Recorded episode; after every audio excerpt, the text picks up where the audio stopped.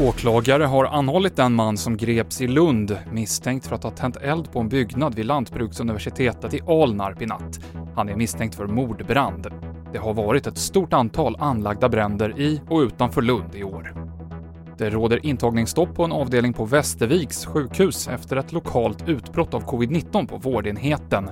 Åtta personer har hittills konstaterats smittade och nu pågår det smittspårning, säger smittskyddsläkaren i Region Kalmar, Per-Åke Jarnheimer. Men det viktiga är det att man provtar alla och sen försöker se, eh, ja, stoppa smittspridningen helt enkelt genom olika åtgärder. Mer om det här på TV4 Play.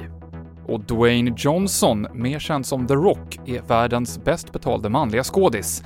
Från juli förra året till juni i år så drog han in över 750 miljoner kronor enligt affärstidningen Forbes. Tvåa på listan är Mark Wahlberg och trea Ryan Reynolds. Nästa vecka så släpps tidningens lista på de bäst betalda kvinnliga skådisarna.